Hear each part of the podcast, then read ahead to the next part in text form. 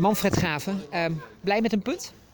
Mm, ja, over de hele wedstrijd gezien uh, ben ik uh, blij met een punt. Vooral op de manier waarop veel hard gestreden. En uiteindelijk denk ik, over de hele wedstrijd gezien, vind ik het een verdiend gelijkspel. Als we het even oppakken bij de eerste helft. Jullie komen op voorsprong via Freek Helmers. En op dat moment volgens mij niet eens zo onverdiend. Nee, dat vond ik ook. Van de eerste 20 minuten waren voor ons. En we, probeerden al, we hadden gezegd van we spreken af dat we iets hoger druk zetten dan dat we normaal doen. Pakte eigenlijk heel goed uit. Wim Helmers pakte op de, op de linkshalfpositie al drie keer, of twee keer daarvoor al heel goed de bal af. Maar deze keer bediende die Freek op maat en Freek gaat de keeper voorbij. En ja, op dat moment vond ik het ook zeker niet onverdiend dat wij op 0-1 kwamen.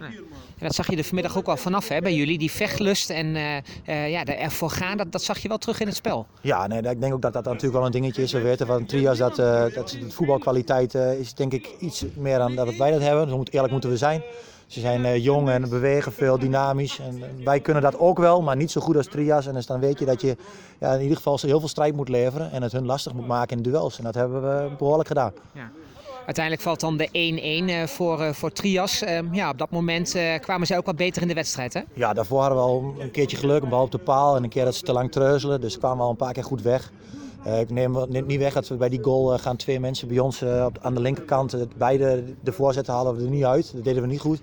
Die bal mag eigenlijk niet komen tussen twee mensen heen, maar die kwam dus wel. En ja, op dat moment is het niet onverdiend de 1-1, daar moet ik eerlijk in zijn.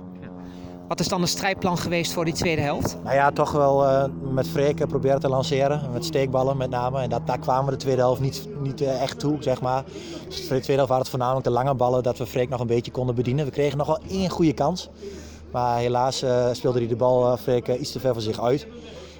Dat was eigenlijk het plan om, om een van onze middenvelders in te spelen en dan van daaruit met een steekbal hem bedienen. Maar ik moet heel eerlijk zeggen dat we meer aan het verdedigen moesten denken. Ja. Dan moet je gedurende die tweede helft ook nog verder met 10 man nadat Ron Maas aan de noodrem uh, moest trekken. Ja, dat voelde ook echt wel zo, hè? Ja, nee, dat klopt. Ik denk als die jongen er door was geweest, dan, uh, ja, dan was kans groot dat het een doelpunt was geweest. Dus in die zin ja, moet je Ron gaan bedanken. En kijken, spelen doet het vast niet extra, maar wel uh, met een reden dat natuurlijk anders waarschijnlijk een doelpunt is geweest. Dus in dat opzicht heeft hij het goed gedaan.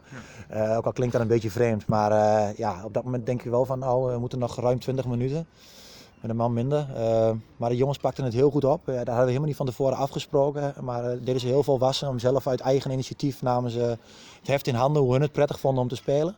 Dus als trainer er voor mij ook wel een, ja, ook een winstpunt van vandaag, zeg maar. Dat de jongens bepaalde dingen gaan oppakken. Daar ben ik blij mee. Dan nog even naar de absolute slotfase. Was dat toch nog even billen knijpen op de bank? Ja, zeker. Ja. Ik hoorde van één speler, wie Arjan uh, Bocht, die zei die was net gewisseld omdat hij uh, zich helemaal leeg had geknokt. En die zei op de bank, het zit een keertje mee. Maar hij bedoelde denk de laatste bal, wie hun overkoppen. Ja, toen hield ik me had ik wel even vast. denk van, nee, daar gaan we weer. We hebben de laatste tijd van de zeven wedstrijden toch in drie wedstrijden in de laatste vijf minuten verloren. Of in blessuretijd soms zelfs. En ja, dat is wel zuur. En dat gaat natuurlijk wel op een gegeven moment tussen de kopjes zitten.